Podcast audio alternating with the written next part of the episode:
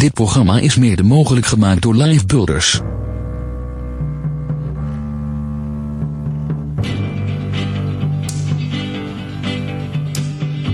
Nobody knows the trouble that I've seen. Nobody knows my sorrow. Nobody knows the trouble that I've seen. Glory, hallelujah. No. Waarom in Jezus' naam Jezus? Ik ben heel blij dat Helen Haan, zeg ik dat goed? Ja. Zeg ik dat goed? Ja, ik Helen hoor- Haan. Ik hoor twijfel. Oké. Helen Haan, dat je... Mag ik je zeggen? Ja, tuurlijk. Dat je hier op bezoek bent. En waar ben je op bezoek in de studio van Damte 16, de livebeelders.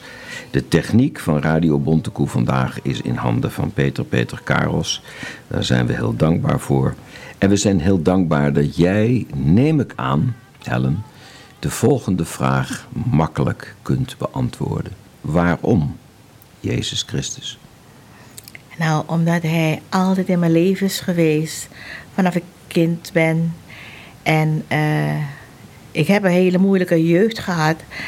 Maar hij heeft mij gevormd wie ik vandaag ben. En ik mag zeggen met recht, in de naam van Jezus, een krachtige persoonlijkheid. Wauw. Het zit er natuurlijk dik in dat ik dan ga vragen, want je begint er zelf over, ik niet. Van wat is dan die moeilijke jeugd? Waar moeten wij dan, je hebt het zelf nu benoemd, waar aan moeten we dan denken? Nou, ik ben als enige uit het gezin van acht weggegeven aan pleegouders, omdat ik eh, nou net niet op het juiste moment eh, welkom was. Dus de buurvrouwen hadden toen gezegd van nou als het een meisje is, dan wil ik graag voor haar zorgen. Zo gezegd, zo gedaan. En mijn moeder was hartstikke blij. En wat betekent dat om te ontdekken dan later? Want je bent waar geboren? In Paramaribo, Mhm. in de Kosterstraat, in Suriname. Ja. Nee, dat laatste vind ik heel belangrijk, want dat, eh, nee hoor, grapje, dat is heel... Maar dan zit je, hoe, hoe, op, op welke leeftijd kom je dat om de ontdekking van dat het anders zit dan het normaal was, had moeten zijn? Hoe, hoe werkt dat? Geen idee. eh, op de elfde, twaalfde jaar. Ik was toen al op de Mullo, de, de Hendrikschool, de Surinaamse Mullo. Dat was dus echt de eliteschool Oké. in Paramaribo. En dan eh, gaat iedereen natuurlijk over zijn zussen praten, en broer en zussen. En toen dacht ik, heb ik die? Nou, en eh, totdat mijn moeder een keertje met mijn broers op bezoek kwam. Je echte moeder. Mijn echte moeder, Zo, die kwam zomaar binnen. die kwam zomaar binnen. Ik denk dat ze een afspraak gemaakt Ja. had. En dat, ze kwam dan zomaar binnen met mijn broers. En toen dacht ik, oh, ik heb ook broers. Dus dan gaat het echt van binnen in je borrelen van... En waarom ben ik hier? Ja. Snap je? En ehm, dan wordt het allemaal zo mooi voorgespiegeld dat ik het zo goed heb. Bla bla bla. En ehm, dat bezoek, dat blijft hangen, omdat je weet van, ik moet hier hard werken, ik moet hier van alles doen. En eh, mijn moeder die komt met mijn broers binnen en ze laat me zomaar achter. Nou, En zij hebben het leuk. ja, dat dacht ik. Ja, toch? Zij hebben het Ik leuk en jij het. moet hard werken. Precies. En, en had je toen wel het idee van, hé, ze lijken op elkaar? Want je kende ze natuurlijk al, maar je had ze eerder gezien, neem ik aan. Nee, ik had ze nog nooit gezien. Nooit gezien. Ik, heb ze, ik zag ze dus de eerste keer.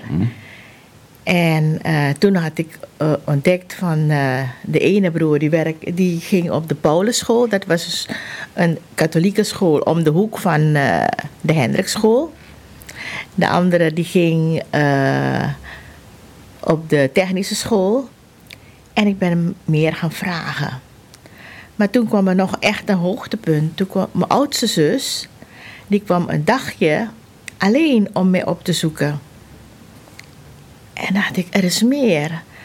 Maar mijn pleegmoeder die was zo streng en die zei van ja, maar je hoeft niet te denken dat je daar ooit zult gaan, want je moeder heeft jou afgestaan en als ze eh, jou wil hebben, dan zal ze echt heel veel moeten betalen. Dus dat kan je uit je hoofd zetten. Nou, dat is dan heftig op dat moment, maar van binnen, je kan er niet over praten, je kan het met niemand delen, je kan er niet eh, op school. Ik had alleen maar rijke vriendinnetjes, eh, eh, schoolvriendinnen op school. Dus ja, dit soort dingen bespreek je niet. Dat, dat vind je een beetje, dat vind je een schande. Dus je loopt met je verdriet en je vragen alleen. En ik had natuurlijk op de kleuterschool geleerd van en, eh, Jezus is altijd bij je. En dat heb ik altijd voor me gehouden. En als kind sprak ik van die andere Helen, die heeft het altijd beter. Ik sprak altijd tegen mijn spiegelbeeld. Ik zei tegen, ja Helen, jij hebt het beter. En alles wat ik niet had, zag ik in haar. Dus dat was heel bijzonder. En zo kon ik mijn ei een beetje kwijt. Oh. Maar, maar wa- was het dan zo dat op de school waar jij zat, dat daar dan je broertjes of je zusjes of zus ook aanwezig waren? Of was dat een hele andere school? Daar zag je ze nooit. Ik, heb, ik, heb, ik zag ze nooit. Maar toen ik, ik heb ontdekt dat mijn broer op de Paulusschool was. Dat was een hele andere school. Een hele andere school ook. Een hele andere school. Ja, dus je was echt, echt, echt alleen. Ik was echt alleen. En, en hoe was de band met je stiefmoeder? Je was ook een stiefvader? Is nee, dat, nee, nee. Ehm, Stiefmoeder. een stiefmoeder. Nou, eh, het, het waren eigenlijk twee vrouwen. De ene was de bediende van de ander. De ene was de bediende van de ander. Dus ik had dan twee stiefmoeders. Hè, twee stiefmoeders. En eh, toen de een eh, een kind kreeg... en het kind bleek een beetje gehandicapt te zijn... toen kwam er een zwaar leven voor mij. Zo. En, en wat bedoel je nou met zwaar? Nou, zwaar. ehm, ja, dan merk je inderdaad, nu ik erover praat, dat het, ehm, dat het er toch nog in zit. Het, zusje, het pleegzusje werd geboren en eh, ze kon niet lopen. En eh, er, was nog een ander, er was nog een ander meisje, die, eh, ook een ander pleegzusje die daar in het huis was. En wij moesten altijd het zware werk doen. En toen het, eh, het pleegzusje werd geboren ehm, en er ontdekt werd dat ze niet kon lopen, toen was ik niet meer goed en werd ik mishandeld en er werd eigenlijk een, eh, er gebeurde heel veel. Er was een groot verschil in leeftijd, neem ik aan. Jij was al Eh, ja, wij verschilden zeven jaar. zeven. Zeven jaar. Zo. Maar ehm, Dus je werd al een soort van gedwongen moeder voor, voor dat kindje. Nou ja, je moest wel. Je had geen keus. Want eh, ze kon niet lopen. Dus je moest alles voor haar doen. En eh, alles voor de regelen. En eh, ik moest er vaak optillen. Omdat ze dus niet kon lopen. Dus je verplaatste er van de ene plek naar de andere. Dus het was best heftig. En buiten dat... ehm, op school was je dan heel vrolijk. Je deed je dingen die je moest doen. En eh, eh, niemand wist eigenlijk wat voor pijn je thuis had. Heel hard werken. Doet pijn allemaal, hè? En wa- wat, wat, wat bedoel je met mishandeling, fysiek? Of, of was je, werd je uitgescholden? Of Nou, niet dat alleen. eh, ik werd echt geslagen zo? met een mattenklopper. Eigenlijk heb ik nooit, ehm, heb ik nooit echt eh, kind kunnen zijn. Altijd verantwoordelijkheid. Ja, precies. Altijd zorgen voor. Altijd zorgen en eh, altijd vroeg opstaan en hard werken. En dan nog de school. Op school was ik heel briljant. Was eh, altijd eh, de flinkste van de klas. Als de kwekelingen kwamen, dan eh, zei de, de leerkracht van... je kan het haar vragen, want ze weet het allemaal best. Ik was altijd de rechterhand op school. Mocht heel veel in de klas. En ehm, toen had ik ook bedacht, als ik groot word... Ik, ik, ik vond het altijd ook prettig op school. Als ik groot word, dan word ik ook leerkracht. Want ik voelde me veilig op school. En dat ben ik ook geworden. En, en dan ging je dus, neem ik aan, met lood, lood, lood in je schoenen, ging je dan richting huis. Ja, precies. Maar wat ik zo mooi vond, is dat ik. eh, als ik naar huis ging, kwam ik. Waren er men, ik, ik, ik, had, ik had best een lange weg naar, van ho- school naar huis. Maar het leek alsof mensen je allemaal kenden. Ik kende die mensen niet, hè. En dan zeiden ze altijd: Helentje, eh, kom je even hier? En dan kreeg ik wat te eten. En ik kreeg eh, wat te drinken. Of, eh, iedereen was heel lief voor mij. De liefde die ik thuis niet kreeg, die kreeg ik op straat. En het was zo bijzonder. Iedereen hield van me. Vandaar dat ik eh, zeg van... God wist precies eh, wat er, met me wat er eh, in mij omging Dus en dat, wat er met me hele gebeurde. kleine meisje dat wandelde al met Jezus, dat was al met God onderweg, terwijl er zulke verschrikkelijke dingen thuis. Ja, precies. Wauw. Wauw. Ik ben ontzettend blij dat je er bent. Ik denk dat de mensen ook het diepe verdriet kunnen horen, want het is natuurlijk heel zwaar geweest. En eh, je gaat ons straks meer vertellen van wat jij van je leven tot nu toe gemaakt hebt. Maar je hebt ook een muziekkeuze, The God of the Mountain. Zeg ik dat goed? Klopt. The God of the Mountain. Ja. Waarom heb je dat gekozen? Nou, ehm, toen ik in die vallei was, toen ik in die, echt in een diep dal was, was ik er. Maar ik was nooit alleen. Ik voelde altijd wel dat er iemand was die om me gaf. En dit lied heb ik, ehm, even kijken, zes jaar geleden gehoord op een begrafenis en het heeft me zo aangesproken, toen dacht ik van, dit heb ik eigenlijk meegemaakt. Weet je, ik ben door alles heen gegaan. En eh, God was er altijd. En ik ben er nu en hij heeft mij gewoon zijn identiteit, gegeven. Want in het leven kan je kiezen voor beter of bitter. En ik heb voor beter gekozen. En God heeft me beter gemaakt. Weet je, ik ben door situaties heen gegaan. Maar hij heeft me echt uit die put getrokken. en daarom vond ik het lied echt zo passend. Was je zonder God, was je zonder de God op de berg, op de top van de berg, was je dan verdronken? Ik was er helemaal niet meer. Dan was je er ook niet meer Ik was geweest? er helemaal niet meer. Nee? Nee. Ik ben ook echt zes of zeven keer ben ik eh, bijna verdronken. Ik zeg ook altijd tegen mijn man van... Nou, ik moest er nog zijn. Ik zeg maar, ik heb zo vaak... eh, zo vaak ben ik bijna verdronken. En iedere keer heeft iemand me eruit gehaald. Het was ook als meisje van... ehm, eh, ik was zeven jaar en we gingen op een schoolreisje naar Cola Creek in het binnenland. En eh, een jongen die drukte mijn hoofd echt helemaal in het water. En er was niemand die het zag, maar op de een of andere manier kwam ik toch wel weer naar boven. En op diezelfde dag moest ik naar de wc. En de wc die was heel ver.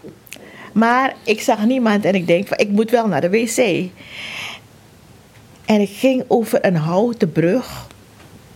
Het was zo over het water. Van een, en ik ben er over geklauterd om het snelste bij de wc te gaan. Maar toen ik terugkwam, toen, eh, hoe heet het, durfde ik niet meer. En jaren daarna, toen ik volwassen was, ben ik weer naar die plek gegaan.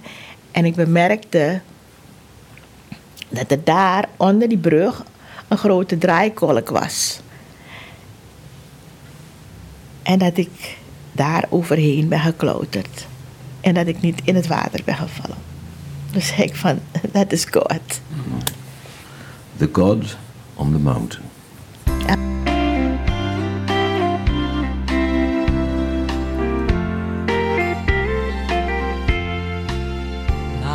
Life is easy when you're up on the mountain and you've got peace of mind like you've never known. But things change when you're down in the valley. Don't lose faith, for you're never alone. For the God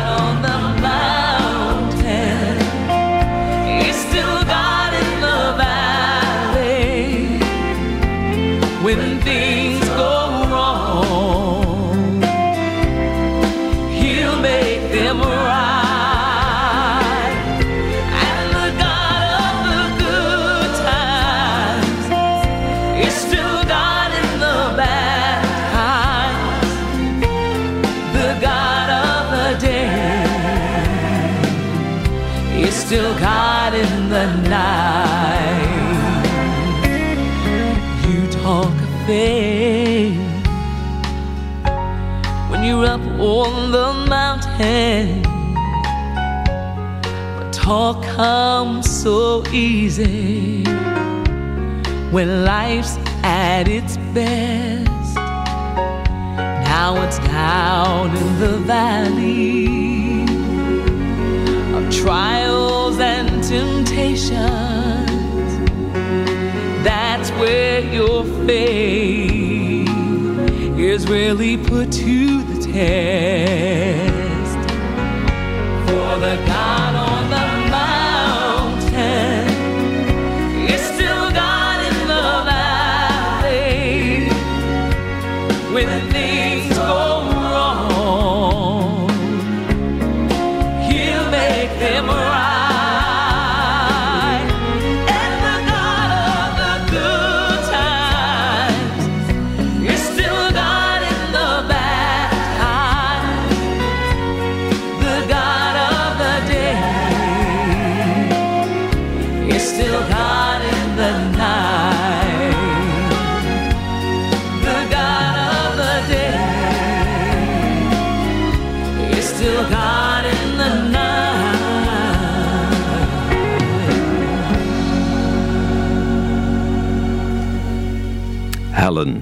dank je wel dat je deelt het verdriet, de pijn van een heel jong meisje wat zo ontzettend veel verantwoordelijkheid heeft gedragen voor anderen.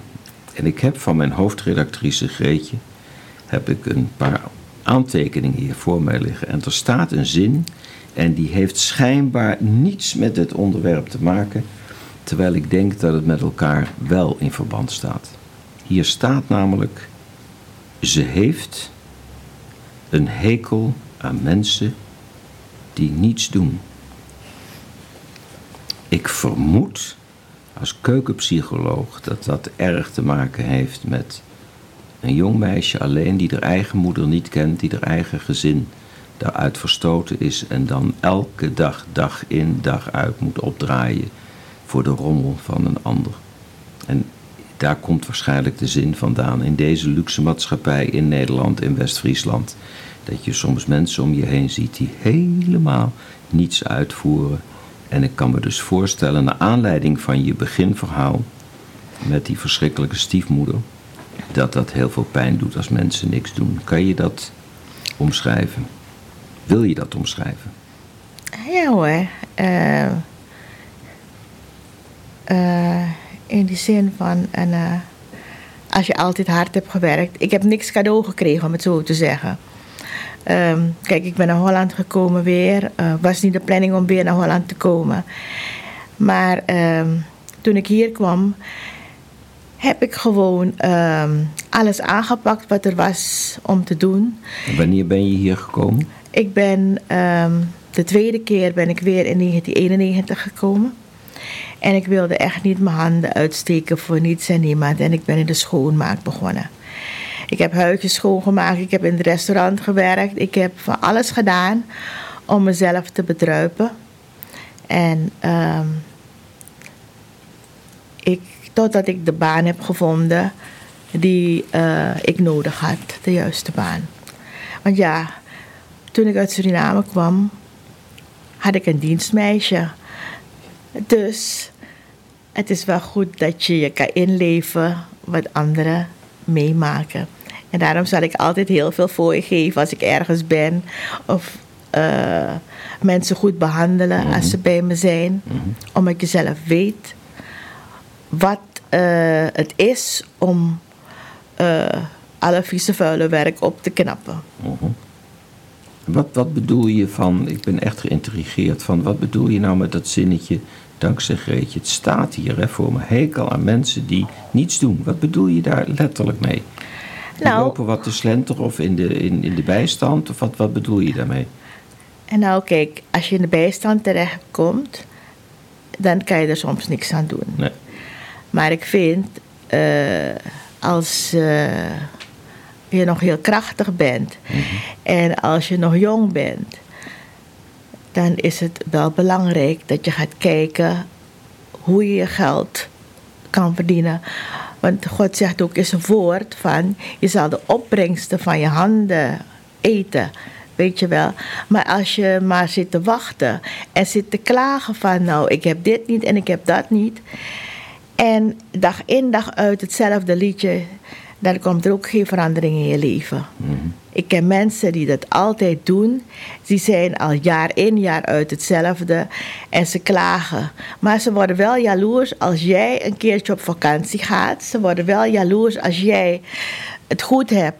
Maar niemand weet, niemand weet hoe hard je zelf werkt om al dit soort dingen te bereiken. En om al dit soort dingen te kunnen doen. Maar dan is ook zeker gezien jouw achtergrond is, dan mag je toch zeggen dat we hier wel een ontzettende luxe maatschappij leven, toch met z'n allen. En Zeker. dat schuurt dan wel ontzettend hard met dat kleine meisje wat verlaten van iedereen behalve God en Jezus, verlaten van iedereen, maar sleurt en duwt en duwt.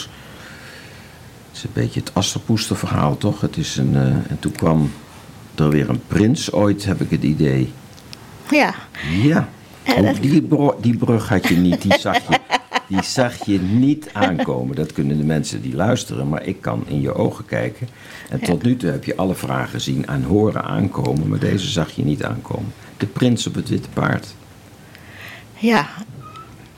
Prijs God daarvoor. De prins op het witte paard. Eh, ik heb God gebeden. Ik zei, Heer, want ik was al eerder getrouwd. En de vader van mijn kinderen, die is natuurlijk eh, vreemd gegaan. Heeft de ander gezin gesticht. En ehm, toen dacht ik van, als ik ooit weer een man heb, dan wil ik iemand hebben die samen met mij God gaat dienen. En ehm, dat we alles samen doen. En toen ik alleen was, heb ik echt ook tot God geschreeuwd. Ik zeg, ik wil niet alleen zijn. Ik zeg, maar ik wil graag iemand die u voor me hebt. En prijs God, het is, daar, het is ook gelukt. Is God lang gaan zoeken of, of wist hij het meteen al? Nee, God, heeft- God heeft me een beetje op de proef gesteld. En, eh, maar ik heb, ze Twee zeggen, weken, drie weken, nee, drie jaar, een paar jaar. een paar jaar. Ja. Maar God, eh, ja, ze zeggen, een geduldige vrouw is een rijke vrouw. En eh, dat geduld heb ik echt van de Heer gekregen. En de prins is er. Prijs de Heer. En jullie wonen in, in West-Friesland. In West-Friesland. Mooi, mooi, mooi. En je bent van huis uit leerkracht. Ja. Je, je geeft les in nog steeds op dit moment? Nee, ik ben nu gestopt. Gestopt, klaar. Ik heb eh 40 jaar gewerkt. Mhm.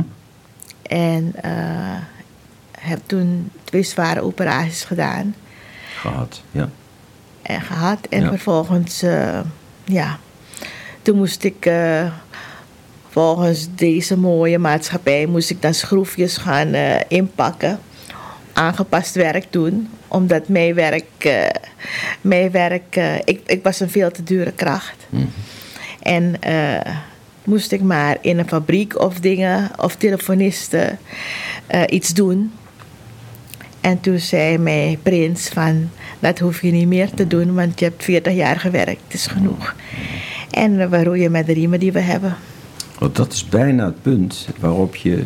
Dat is de, de terugkoppeling naar je jeugd. Hè? Dat er iemand ineens zegt: ga jij maar dat doen, want daar ben je goed genoeg voor. Om dat leed en dat, dat, dat allemaal te moeten. En, te, en dat is de echte prins op het paard. En die zei: Nou is het afgelopen, we beginnen een nieuw leven. We gaan op een andere manier naar het leven kijken, toch? Klopt. Prachtig. Wauw. Ik heb weer een rare sprong voor jou. Wat is. Je bent bij een kerk, livebeelders hier. We zitten hier in Dam de 16. Daar kunnen mensen elke zondag om half elf kunnen ze binnenlopen en de dienst meemaken. En ik heb je wel eens meegemaakt. Dan zit je heel intens te bidden en te, te, God te aanbidden. Wat is, wat is de waarde van de bestaat iets als eh, Celebrate Recovery? Wat, wat is dat? Is dat een, dat mensen kunnen ze beter worden van en daar kun je ze mee helpen? Kun je dat, kun je dat vertellen hoe dat, hoe dat, wat je daar doet? Nou, daar begeleid je mensen in om eh, de brokken die ze in hun leven hebben gemaakt, om daarover te praten, om eh, van de pijn af te komen of van de verslaving of wat, waar ze aan vastzitten. En ik heb daarvoor gekozen omdat ik zelf eh, ook inderdaad eh, heel veel pijn heb gehad. Dus heel veel empathisch vermogen. En ik kan me dus echt één worden met de mensen. En het is zo bijzonder dat ook heel veel jeugd naar me toe komt. En me om raad vraagt. En dat, eh, dat je, kijk, je kan niet alle problemen oplossen. Maar je kan wel een luisterend oor geven. En je kan advies geven. En het wordt ook eh, gewaardeerd. Dus God gebruikt jouw inzichten, jouw pijn van vroeger als klein meisje met al het gemis en al het verdriet. Precies. Om de ander, de mensheid, de, de mensen hier te begrijpen, te, te begeleiden, te steunen. En, en zo'n programma is dat, daar kunnen mensen een aantal weken naartoe. Of hoe werkt dat? Kunnen ze zich voor Nee, het is, een hele, het is een hele cursus. Mhm. Het is een hele cursus en er zit een bepaalde tijd eh, aan verbonden. Maar ja, eh, het is niet zo dat van, eh, je, je krijgt wat boekjes, wat huiswerk. Maar het is niet zo dat wanneer je meer hulp nodig hebt, dat je dan aan de tijd verbonden bent. Nee, het gaat door. Ah, het is een soort ook, er kan ook een nazorg eh, plaatsvinden. Oké. Oké, En, en, en mensen kunnen dan bij de livebeelden zich opgeven en Ja. dat ze het gevoel hebben, want dat is zo prachtig in jouw verhaal, dat je zegt, ik heb Jezus altijd in mijn hart gehad. En toch kan je ontzettend gekwetst worden in je jeugd. En even weer helemaal terug naar vroeger. Ik zal niet zeggen als ik je aan je ogen kijk dat het heel veel vroeger is, want dat is niet zo, zo jong ben je. Maar een stukje terug naar vroeger. Heb je ooit weer contact, goed contact gekregen met je moeder? Die is overleden. Eh, eh, ja, met, met mijn eigen moeder. Ja. En het bijzondere is dat ik, eh, mijn moeder lag in coma. En ehm, ik was juist degene, omdat ik in het onderwijs zat, had ik heel veel tijd. En het was net een, een, een vakantieperiode. Dus juist in die periode was ze heel erg ziek. En mijn zus die was eh, arts daar in het ziekenhuis. Dus ze vroeg me van, eh, zou jij een regelmatiger bij mama kunnen zijn? Want ze ligt in coma. Heb ik ook gedaan. En mijn broers zijn allemaal uit Nederland gekomen om haar te begraven. Maar ze hebben haar nog in leven aangetroffen. En eh, het is echt een, een week zo toegegaan Maar de laatste dag, toen waren ze allemaal bij elkaar. En ik had die avond daarvoor, had ik, eh, was ik heel laat gebleven. Dus ik kwam een beetje laat. En iedereen was om het bed en ik stond daar en ik ging naar de toe. En ik zei tegen haar van, ehm, mama, je hebt je strijd gestreden. Je hoeft niet meer onrustig te zijn. Ik ben er. En je weet, ik heb je vergeven voor alles wat er is gebeurd. En toen zag ik zo die zondevoeding teruggaan. Toen stierf ze in mijn armen.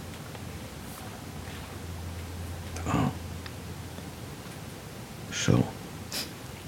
Voor, voor je volgende muziekkeus toch nog even. Ik kijk even naar Peter, die haalt zijn hand weer van de knoppen af. Ja. Als technicus die denkt, het zal toch niet waar zijn. Korte vraag. Je stiefmoeder. Hoe is dat contact verlopen?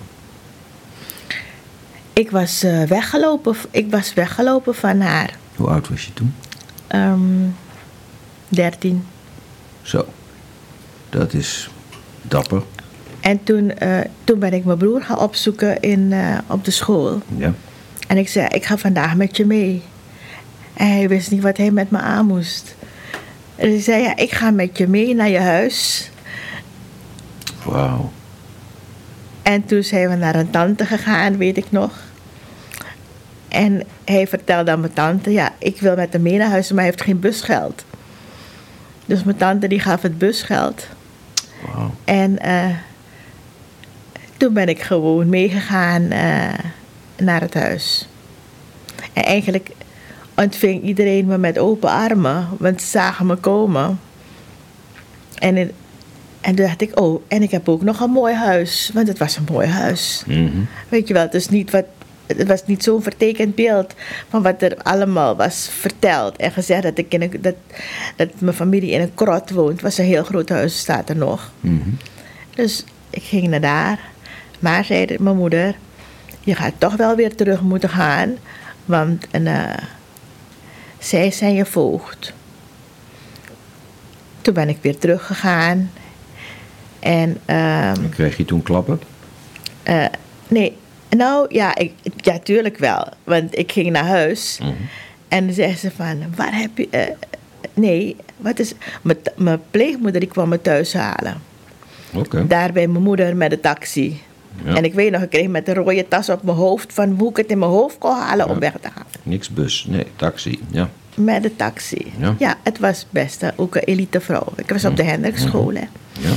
Dus ik ging naar huis terug. En mijn zus die studeerde arts als arts in eh, Nederland. Toen heb ik haar een brief geschreven. Ik zei, als eh, ik nog, ik, ga, ik wil terug. Want als ik niet terug ga, dan ga ik nog liever dood, zei ik zo. Maar ik zei, ik wil niet meer hier blijven. Want alles kwam mij opstaan. Ik heb gezien wie er allemaal wonen. Mijn broers, mijn zussen. Ja. Dus, eh, nou, en toen ehm, eh, ben ik weer weggelopen. Toen ben ik weer thuisgekomen bij mijn moeder. En is ze naar de advocaat gegaan. En toen ben je thuis gebleven. Toen, ben- toen ben ik thuis gebleven, maar eh, ik was mishandeld. Dus ze zagen nog de, de streamen en dingen op mijn lichaam. Zo. En eh, toen heeft, eh, toen, heeft de advocaat gezegd: nee, er is genoeg reden dat ze bij jullie kan blijven. Ja. En dat was ook het contact, het laatste contact met je stiefmoeder? Of? Nee, ik heb er daarna. De ene, die, de ene, degene die me mishandelde, die, die was overleden. En die andere die was nog in leven. Want het waren twee vrouwen, hè. De ene was de bediende en die andere Ja. was een mevrouw. En die mevrouw die was die heel lieve, maar die bediende die, die, bediende, die kreeg eigenlijk een kind, hè. Ja. En die begon met te mishandelen. Wauw. Jezus, ik geloof. Ik denk dat dat heel erg toepasselijk is voor jouw leven.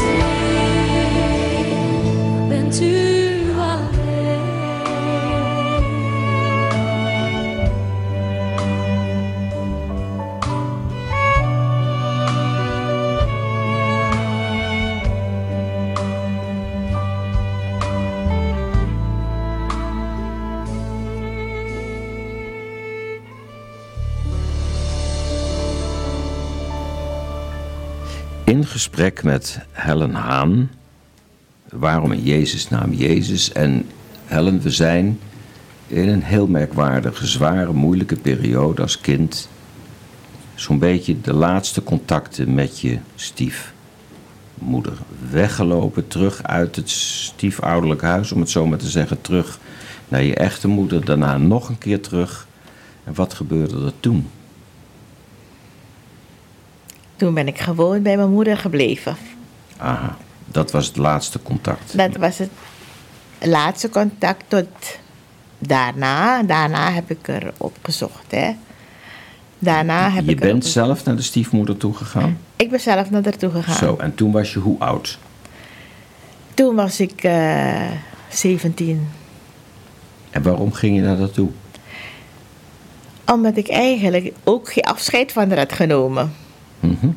Ik had geen afscheid genomen. En ik was toch benieuwd, want het is toch mijn jeugd geweest. Ja. En ik was niet bang meer. Ik dacht van, nou, ze kan me toch niet slaan of wat dan ook. Nee. Ik ben al groot, weet je. Ja. Ik zat op de kweekschool Ja. en ik voelde me gewoon sterk. Dus ik had zoiets van, nou, ik ga toch wel kijken hoe het gaat met haar. En ik praat maar, ik ben natuurlijk niet naar binnen gegaan. Ik ben achter het hek gebleven. Echt waar? ja, ja, ja. Zo. Ik ben heel groot, 17 jaar, maar ik blijf achter het hek. Nee, vind ik een mooi beeld, ja. En toen heb je met haar gesproken. Ik heb haar gesproken en ze was, eh, eh, ze was eh, heel erg ziek. Ze had kanker. Dus ik was wel blij dat ik geweest was. En heb je er nog geconfronteerd met iets wat van die pijn, van die jeugd, of heb je dat gelaten? Nooit over gesproken. Nooit. In Suriname ga je volwassen mensen geen dingen vragen. Nee. Maar dan ben je hartstikke brutaal. Ja, dat is hier ook zo trouwens. Maar goed, het is. Ja. En, en dan neem ik aan, eh, zoals we je nou hebben leren kennen via dit radioprogramma, dat vergeving was al lang geschied Ja, in jou en je hoofd. En nou, koffer naar Nederland. Of is dat verkeerde kreet? Is dat het verkeerde beeld? Nee, nee, nee. Eh, ja, eh, ik eh, heb eerder in Holland gewoond. In die, ik, voor de onafhankelijkheid ben ik met mijn kinderen hier gekomen. Ja. En mijn man. Mijn ex-man. En ik was weer van... Toen ik- ben ik weer naar Suriname gegaan, na zes jaar. Ik had helemaal niet meer die intentie om naar Holland te komen. Had mijn, Surina mijn Nederlandse nationaliteit al verwisseld. Want ik dacht, dit is allemaal roze geur en maneschijn. Maar ja, toen eh, ging Het is ik... allemaal schijn, dacht, dacht jij. Het is allemaal niks. Het was ook schijn, Ja. allemaal. Nee, maar die ook- maneschijn roze, dat is iets anders. Maar dit Ja. was schijnen. Jij denkt, nou is het afgelopen, Ja. ik ga weer terug. En ja, precies. En eh, ja, toen ging mijn huwelijksstuk. Mhm. En ik moest alleen voor mijn kinderen zorgen. En je zorgde voor de kinderen daar of hier? In Suriname. In Suriname. Ik, woonde, ik ben toen in, Su- Ja, ja. ja, ik woonde toen gewoon in Suriname. Ja. En je gaf les? Ik gaf les en eh, ik was dan echt de, de middenstandouder. Maar ehm, we hadden altijd heel veel kinderen over de vloer, weet je, omdat ik eh, in het onderwijs zat. Dus ik had altijd heel veel kinderen over de vloer. En dat ging zo. ehm, en dat vond ik wel fijn, omdat ik nooit een jeugd had gehad met vriendinnen. Ik mocht nooit buiten spelen. Nee. Dus alles wat ik niet heb gehad, wilde ik gewoon teruggeven aan Prachtig. mijn kinderen. Ja, mooi. En eh, toen zeiden ze me: Ja, papa is er niet, maar mama, gelukkig dat we samen met jou zijn. en ik denk dat heel veel moeders dat hier ook meemaken, weet je. Maar ja, toen eh, moest mijn zoon in het leger gaan. En ik heb een broer verloren in het leger. Enigszins. Ehm, dat eh, was wel heel erg. Was een hele, eh, ik heb hem niet kunnen begraven. Want ehm, ja, het was eigenlijk... eh, hij is in het binnenland is hij overleden. Het waren overblijfselen. De kist mocht niet eens open. Overleden of gesneuveld? Of... Gesneuveld in de Binnenlandse Oorlog. Tussen Brunswijk en Bouterse. Zo, Ja, dat was heftig. Uitroepteken, ja. Maar ja. Zou gestorven is iets anders. Ja, nee, ik snap hem. Ja. Daarom had ik die kinderen hun vader gevraagd van... joh, hij was hier. Ik zeg, kan je die kinderen niet laten halen? Want ik heb, we hebben maar één zoon. Jij woont in Holland, dus eh, laat ze allebei hier halen. En eh, nou, dat gebeurde. Maar ja, na een maand stond mijn kind, mijn dochter, die stond op straat. Die was door de stiefmoeder op straat gezet. Mm, gaan we weer. En dan gaan we weer. dus eh, ik dacht, wat moet ik doen? En zo heb ik eigenlijk de Heer leren kennen. Op een andere manier, omdat ik altijd rooms-katholiek was. Ben ik, eh, vroeg een vriendin van mij, die zei tegen me: Kom even met me naar de kerk. Het was met rond Pasen. En ik ging met haar naar de kerk. En toen heb ik gebeden. Ik zeg, God, als u echt bestaat, als u echt bestaat, wil u een wonder doen. Want ja, het was best moeilijk om een visum te krijgen om naar hier te komen. Dus mijn kinderen die waren hier zo. En eh, ik was daar, ik mocht geen contact. De stiefmoeder die stuurde eh, de brieven terug, had geen contact. En door haar te doen ben ik bekeerd. Want ze heeft me zoveel pijn gedaan dat ik eh, naar de evangelische kerk ben gegaan. Maar ondanks dat absolute vertrouwen als heel klein kind op Jezus, op God, op Jezus, op de Heilige Geest, in al die, al die, al die, al die jaren, was er toch een moment dat je zei: Ik wil me bekeren, bewust tot Jezus wenden. Zeg ik dat goed? Ja. En ik ben, eh, hoe heet het? Iedereen schrok natuurlijk, want ik ben in de, in de kerk in Suriname ben ik eh, bekeerd. En eh, ik had intussen een visum aangevraagd. En ik heb naar de voorganger gegaan. Mijn kinderen waren intussen hier. Ik ben naar de voorganger ge- gegaan en ik heb tegen hem gezegd van... Nou, ik ben hier bekeerd. Ik wil me hier graag laten dopen. En toen zei hij... Je bent er pas. Maar als je dat wil, dan moeten we het gewoon doen. Want ik ging om vijf uur 's morgens naar de kerk. Iedere, iedere ochtend. Omdat ik echt zo... ehm, hoe heet het? eh, Fired up. ja, ik was echt, eh, echt eh, verliefd op God en ik wist dat hij het voor me zou doen. Ja, en daarom, daarom, dat kan niet missen. Jij kiest jouw muziek precies op het goede moment. You raise me. Amen. Amen.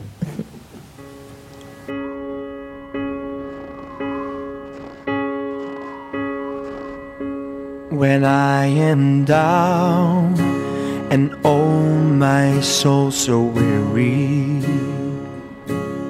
when troubles come and my heart burden be, and I am still and wait here in the silence until you come and sit a while with me. You raise me up so I can stand the mountains. You raise me up to walk on stormy seas. I am strong when I am on your shoulders. You raise me up to more than I can be. Yeah.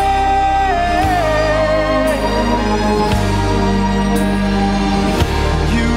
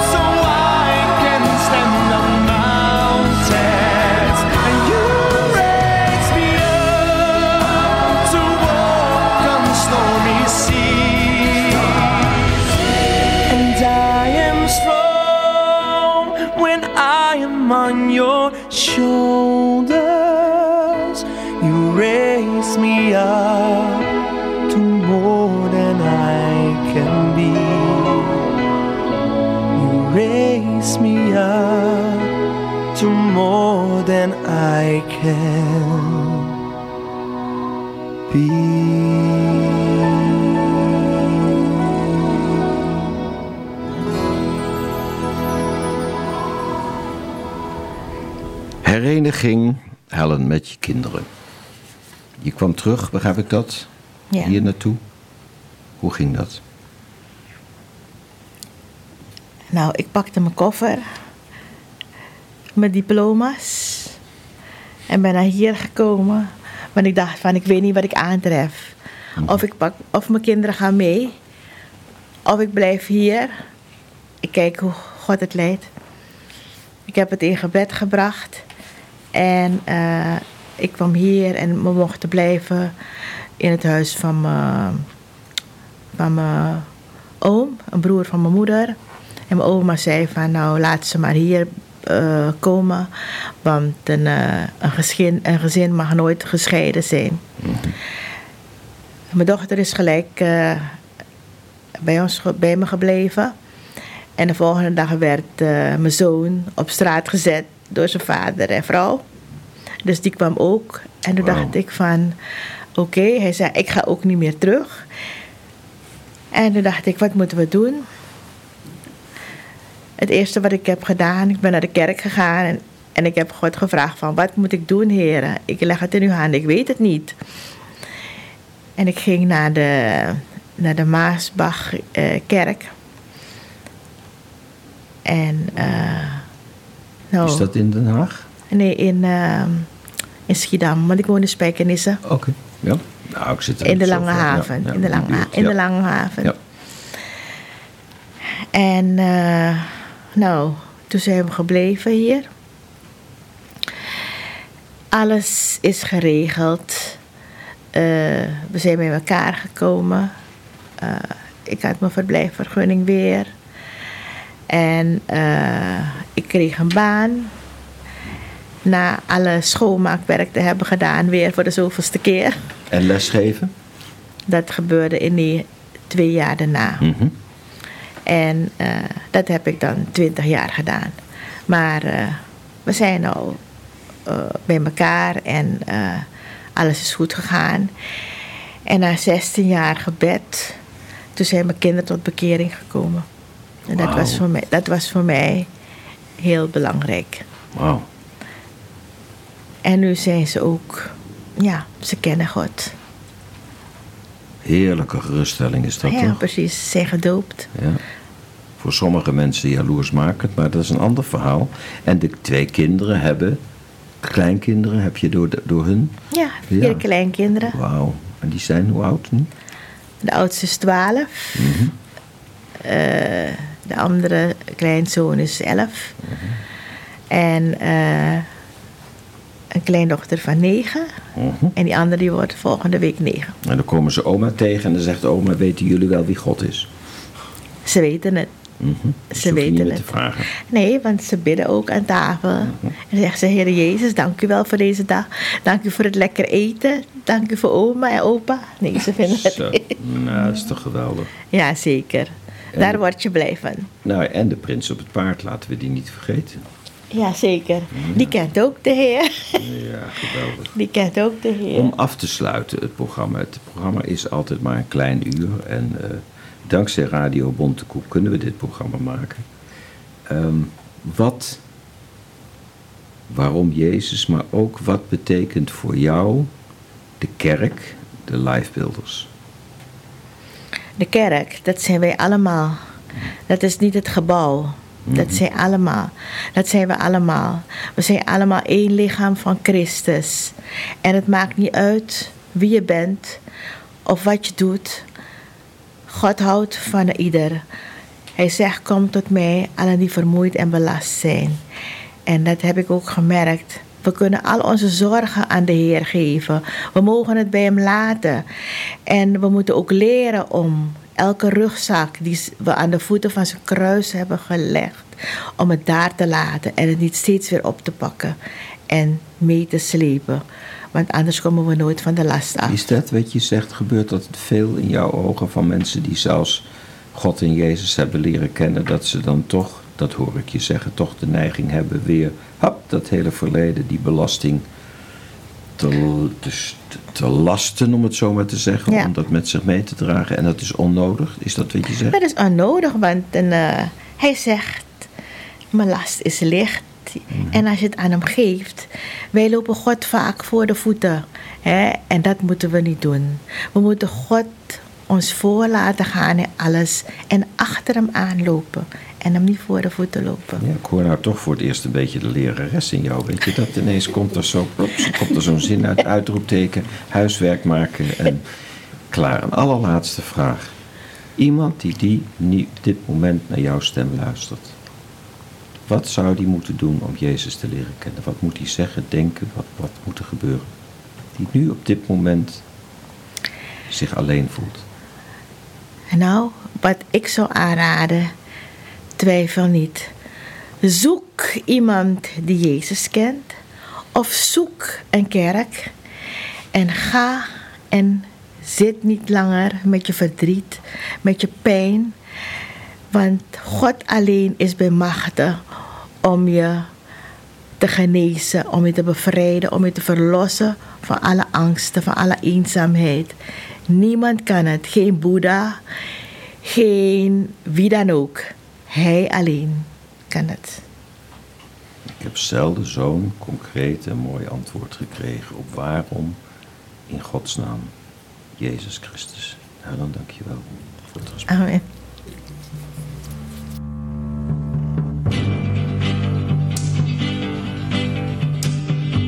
Nobody knows the trouble that I've seen. Nobody knows my sorrow. Nobody knows the trouble that I've seen. Glory, hallelujah. Nobody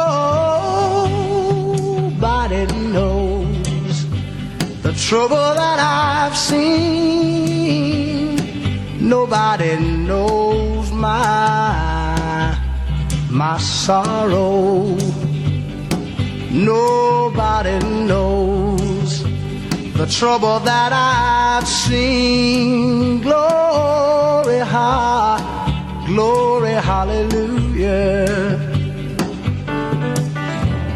Sometimes sometimes I'm down. Oh, yes, Lord. You know, sometimes I'm almost to the ground.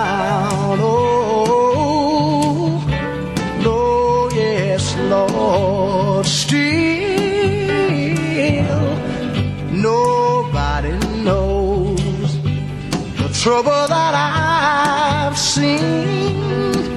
Nobody, nobody knows my my sorrow. Nobody knows the trouble that I've seen.